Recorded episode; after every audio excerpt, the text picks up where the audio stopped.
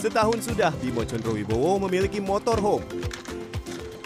Beranjak dari tempat tidur, warga Kalideres, Jakarta Barat yang akrab disapa Pak Aceh Bimo ini langsung menyeduh kopi di dapur.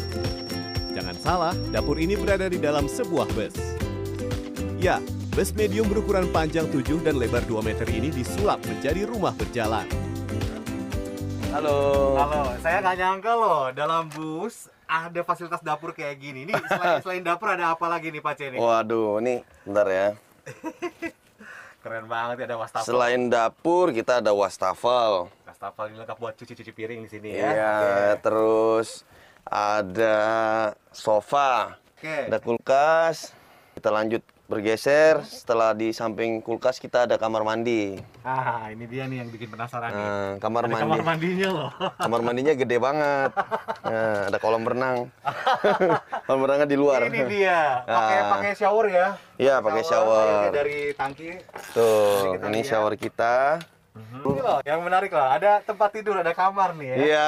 Ada kamar, ada ada AC-nya, pendingin Betul. udara, begitu ya. Iya. Terus eh, ada jendela, ini juga bisa dibuka tutup ya. Iya, pintu darat. Bahkan ada TV loh, ada televisi.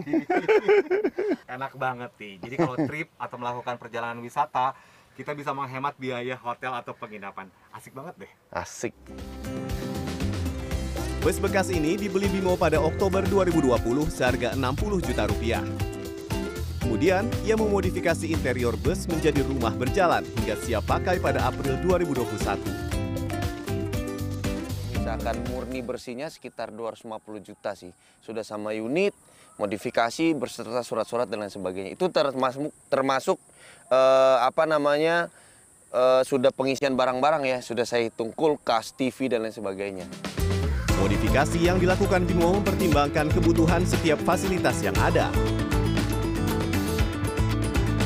Rumah berjalan ini juga dilengkapi dengan awning kanopi atau tenda gulung.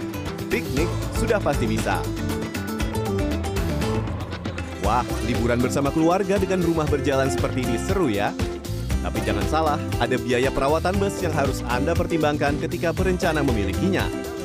Victor Paribuan, Indra Hadi, Jakarta.